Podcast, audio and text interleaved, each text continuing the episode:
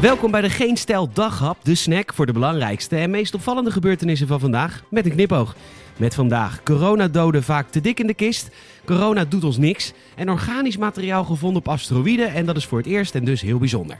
Mijn naam is Peter Bouwman en dit is het nieuws van zaterdag 6 maart. Bijna 90% van alle overlijdens door het coronavirus komt voor in landen met obesitas. De Morgen deelt deze conclusie uit de studie van de World Obesity Federation, wat klinkt als een organisatie voor zwaarlijvige mensen. Van de 2,5 miljoen coronadoden komen er 2,2 miljoen uit landen met veel te zware mensen. Zo ligt het sterftecijfer in de VS 10 keer hoger dan in landen waar weinig obesitas heerst. Goed tegenvoorbeeld is Vietnam, waar bijna geen coronasterfte is omdat minder dan 20% van de bevolking zwaarlijvig is. En wat overblijft is een duivels dilemma. Want ik ben mezelf al weken aan het volvouwen om een voorrang te krijgen voor een prik. Wat lekker. Heeft u hem al op de deurmat ontvangen? Ik wacht zelf al dagen met rode koontjes van de opwinding, maar mijn exemplaar van het blad Eye Opener is nog niet verschenen. In het Flashy Magazine waarschuwt evangelist Jaap Dieleman voor de coronavaccins. Het zal ook eens niet. Het vaccin is een opmaat naar het teken van het beest. Oftewel, de antichrist.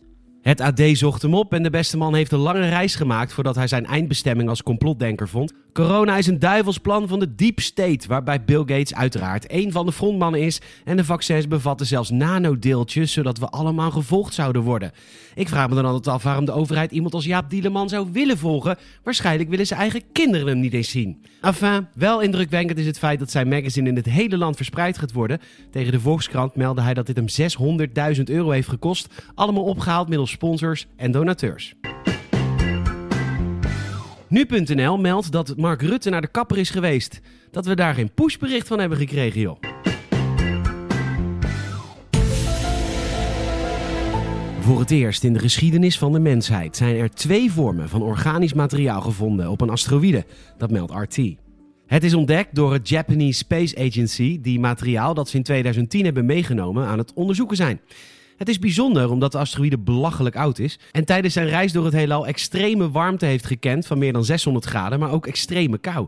Dit type onderzoek moet ons een beter beeld geven over hoe het leven op onze aarde is ontstaan. Een complex probleem waar evangelist Jaap Dieleman zich gelukkig niet druk over hoeft te maken.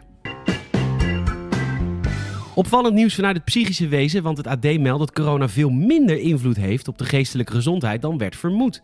Mensen lijken zich goed aan te kunnen passen aan de nieuwe situatie. In 2020 worstelde 12% van de mensen van 12 jaar en ouder met psychische klachten.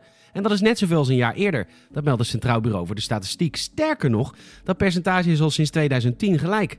Volgens Jaap van der Stel, lector psychische gezondheidszorg aan de Hogeschool Leiden, kunnen mensen zich prima aanpassen. Quote, mensen hebben veel vaardigheden om met moeilijke situaties om te gaan. De meeste mensen zijn zelfredzaam en weten hoe ze met hun gevoelens en emoties moeten omgaan. Ze klagen misschien wel, maar dat leidt niet tot psychische stoornissen waarvoor je een psycholoog nodig hebt. Hij heeft ook nog een tip.